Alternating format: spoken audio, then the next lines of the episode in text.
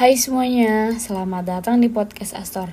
Jadi, pada kesempatan kali ini, aku akan membicarakan tentang self-awareness.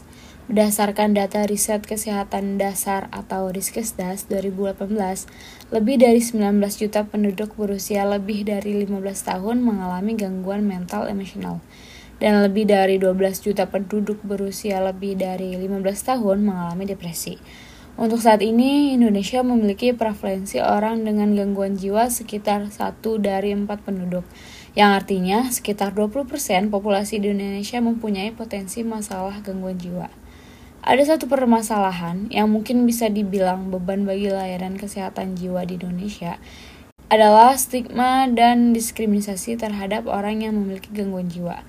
Oleh karena itulah, peneliti kesehatan mental dari pendiri Emotional Health for All, Dr. Sandresan Oni menegaskan seharusnya sebagai individu harus sadar bahwa permasalahan gangguan kesehatan jiwa itu bukanlah suatu aib dan tidak boleh mendiskriminasi.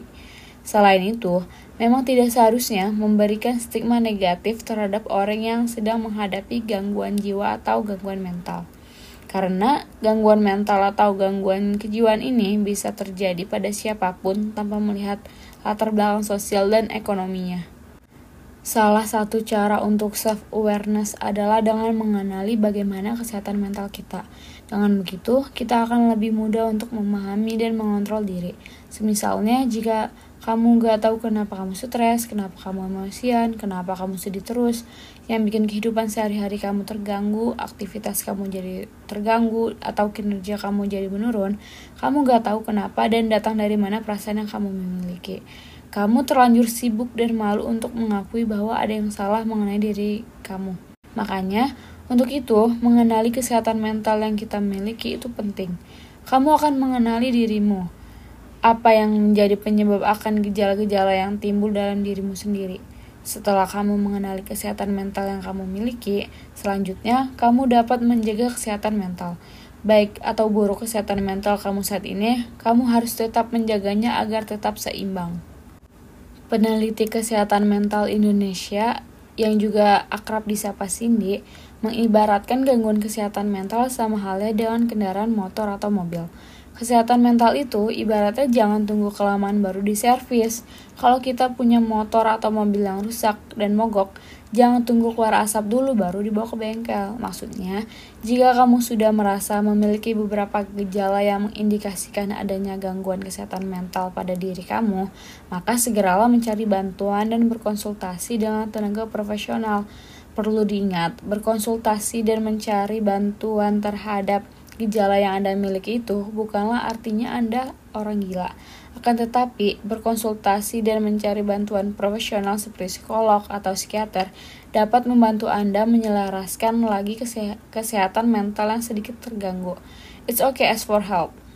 Hasil penelitian yang telah dilakukan menunjukkan bahwa penilaian negatif ternyata tidak hanya berasal dari lingkungan, namun, orang dengan gangguan jiwa juga mengalami penilaian negatif terhadap diri sendiri atau dikenal dengan stigma internal. Orang dengan gangguan jiwa menilai dirinya sendiri berbeda dan negatif sebagai bentuk konsekuensi psikolog penilaian negatif dari lingkungan. Beberapa orang dengan gangguan jiwa menyampaikan bahwa tidak ada orang yang mau mendekat dengan saya karena saya memiliki perilaku yang aneh dan suka berbicara sendiri. Orang dengan gangguan jiwa menilai dirinya sendiri sebagai respon dari perilaku masyarakat di sekitarnya.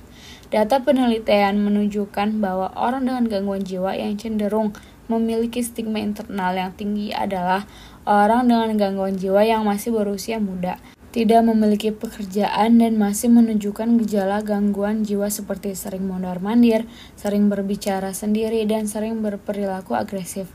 Kesadaran orang dengan gangguan jiwa terkait kondisi yang dialami menyebabkan perasaan malu yang berkembang menjadi harga diri yang rendah yang tentunya akan berdampak buruk bagi, bagi proses pemulihan kesehatan mental internal stigma yang terjadi pada orang dengan gangguan jiwa juga mempengaruhi kondisi emosional keluarga. Keluarga juga menampakkan perasaan malu memiliki anggota keluarga dengan kondisi orang dengan gangguan jiwa yang juga berpengaruh terhadap dukungan keluarga yang kurang dari orang dengan gangguan jiwa. Di sisi lain, orang dengan gangguan jiwa di Indonesia secara umum hampir seluruhannya tinggal bersama keluarga. Ketika keluarga tidak memberikan dukungan yang cukup pada orang dengan gangguan jiwa, maka akan menurunkan partisipasi keluarga dalam merawat dan berdampak pada kurang maksimalnya kualitas hidup orang dengan gangguan jiwa. Keluarga dan orang dengan gangguan jiwa membutuhkan bantuan tenaga profesional untuk mengatasi stigma yang dialami.